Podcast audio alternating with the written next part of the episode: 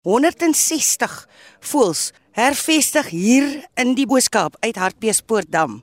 Man, jy het baie uitgesien na hierdie hele ding. En hoe voel jy nou nadat dit afgehandel is? Gister het die voels hier aangekom. Vandag beleef ons hulle.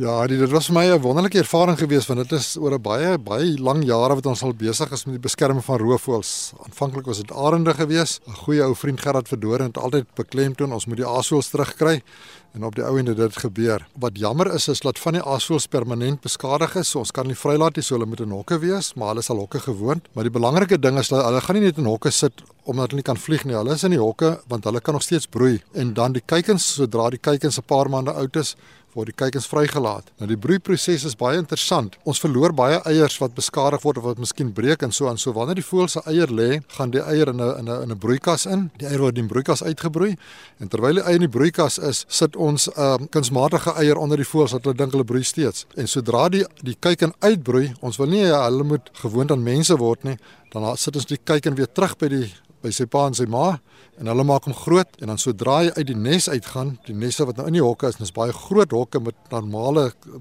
soorte van areas waar hulle kan broei in die neste. Maar sodra die kuiken uit die nes uitgaan, gaan hulle in 'n groter hok wat hulle kan rondvlieg net vir 'n paar maande tot hulle volwasse en sterk genoeg is dan word hulle vrygelaat. So die eerste groep voëls word al vrygelaat in April en in Mei maand vanjaar proses is in drie fases. Aanvanklik het ons die kraansaasvoëls wat in die Kaap-provinsie voorkom gebring, maar ons het ook ander voëls, die witterig aasvoëls en die enigste rede hoekom hulle hier is is net omdat ons spasie het en dat ons alles as een groot broeiprojek kan hanteer.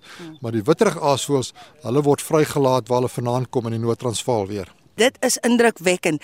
Daai dag toe daai voëls hier aankom, was jy bietjie bekommerd oor wat verkeerd kon loop? Kyk 'n wilde dier bly 'n wilde dier. Ja, ek was eintlik baie op my senuwees toe ons die voëls gaan vang het want elke voël moet individueel gaan vang word en ons moet seker gemaak het hulle gesond genoeg is want dit is 'n lang reis, dit is omtrent 18 ure in in in vragmotors gewees om hier uit te kom. En dan die ander ding wat my baie bekommer het, ons kan hulle net hierdie tyd van die jaar doen want dit is tussen die broeitydperk en voordat die nuwe voëls weer vrygelaat word. So dit moes in die somer gebeur het en en hitte is 'n probleem. So ons moet seker geword het dat ons baie groot vragmotors gehad het. Gelukkig het 'n uh, DHL het ons gehelp, hulle het geweldige groot vragmotors beskikbaar gestel en dat ons die voëls kon versprei in die vragmotors toe ons toe ons hulle verskuif het. Maar ons moes elkeen fisies gevang het en dan natuurlik toe ons hier gekom het, was ons bang, ons het gedink hulle gaan dalk vasvlieg in die drade en so aan. Ons het 'n soort van skerms teen die drade gesit om dat hulle mooi kan sien waar is die grense van die hokke en ongelooflik hulle het onmiddellik rondgevlieg gaan sit op die op die takke wat ons vir hulle uitgesit het. Uh, die kraansaasvoëls het 'n groot kunsmatige rots wat ons vir hulle gebou het met 'n uh, plekke waar hulle neste kan bou en hulle onmiddellik gaan sit. En die interessante ding is van die voëls wat pare is aan die ander kant dat by die twee maats het bymekaar gaan sit die mannetjie en die wyf en hulle klaar vir hulle plek gesoek waar hulle wil broei.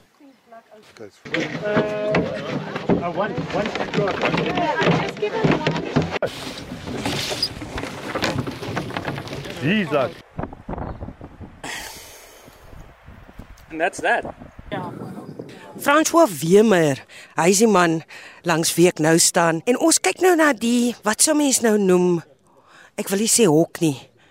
Wat is dit? 'n Vulture enclosure. So dit is eintlik maar 'n aasvoël hok, 'n groot aasvoël hok. Sal ons dit noem maar ongelukkig hier verwys almal na 'n vulture enclosure. Toe Shamari my nader oor hierdie hele hokke wat moet gebou word, ek noem dit nou maar hokke weer, het ek opgevlieg. Hulle het my eintlik opgevlieg Walpro in Hartbeespoort by Kerry en ons het daar die mates gekry en ons het probeer om dit bietjie sterker en en te verbeter. So ons het basies 'n voorbeeld gehad waar volgens ons kon werk. En daarvan af het ons maar net self bietjie koppe bymekaar gesit. Ek en Bruce Myn van Chamari werk baie saam en en en ja, ons het saam koppe bymekaar gesit en op die einde dink ek was dit 'n tamelike suksesverhaal. Um baie van hierdie voëls het net een oog en so aan en daaroor uh, het ons probeer om 'n natuurlike omgewing te skep. Hoog genoeg, lank genoeg, die hokke 6 meter hoog.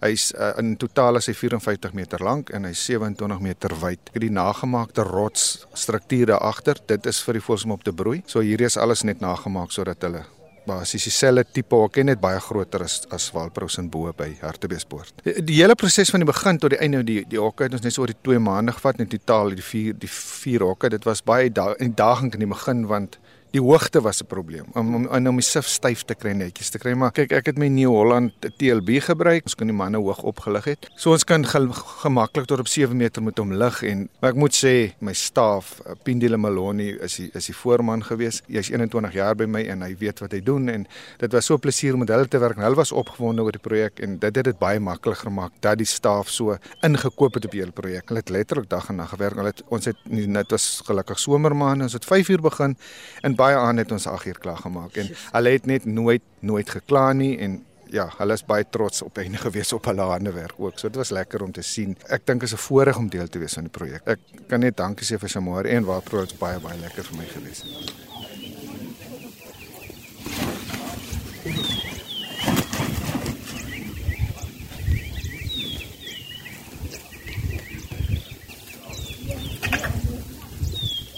Wat is jou drome vir hierdie projek vorentoe Johan? Hierdie wat vir my baie belangrik is is dat dit is nie net 'n tydelike ding nie. Hierdie is 'n ding oor baie jare en en hopelik kan ons bydra om die aasvoëlbevolking te keer dat hy verder vir getalle verminder, maar ook dat ons weer aasvoël soos in die ou tyd kan versprei oor die land. En daar is hindernisse. Ons kan nie ontwikkeling teestaan nie. Ontwikkeling moet gebeur. Maar kraglyne is 'n probleem, windturbines is 'n probleem.